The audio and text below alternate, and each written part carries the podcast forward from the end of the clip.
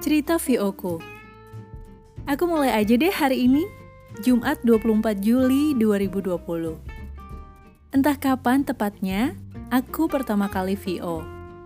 Namun yang pasti, pengalaman pertamaku bekerja di sebuah radio tahun 2000 itulah yang menjadi awal mula aku belajar berbicara di depan mic. Hal yang kuingat dari Pak Harley Prayuda, trainer kami kala itu adalah smiling voice. Berbicara sambil senyum, supaya ramah dan tidak terdengar tegang.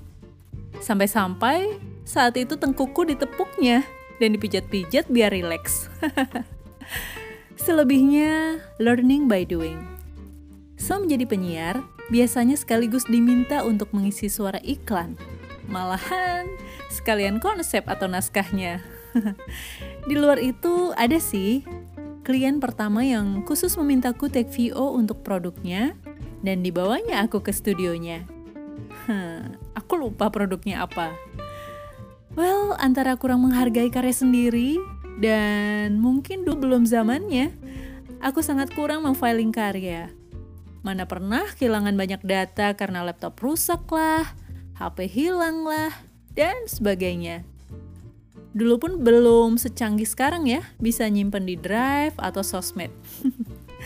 Jadi berbahagialah sekarang yang bisa mengekspresikan sekaligus menyimpan karyanya dalam banyak media. Sekaligus belajar dari banyak pakar VO dari berbagai platform yang ada. Ini cerita VO-ku. Besok-besok aku cerita lagi ya. Salam manis buat yang manis-manis.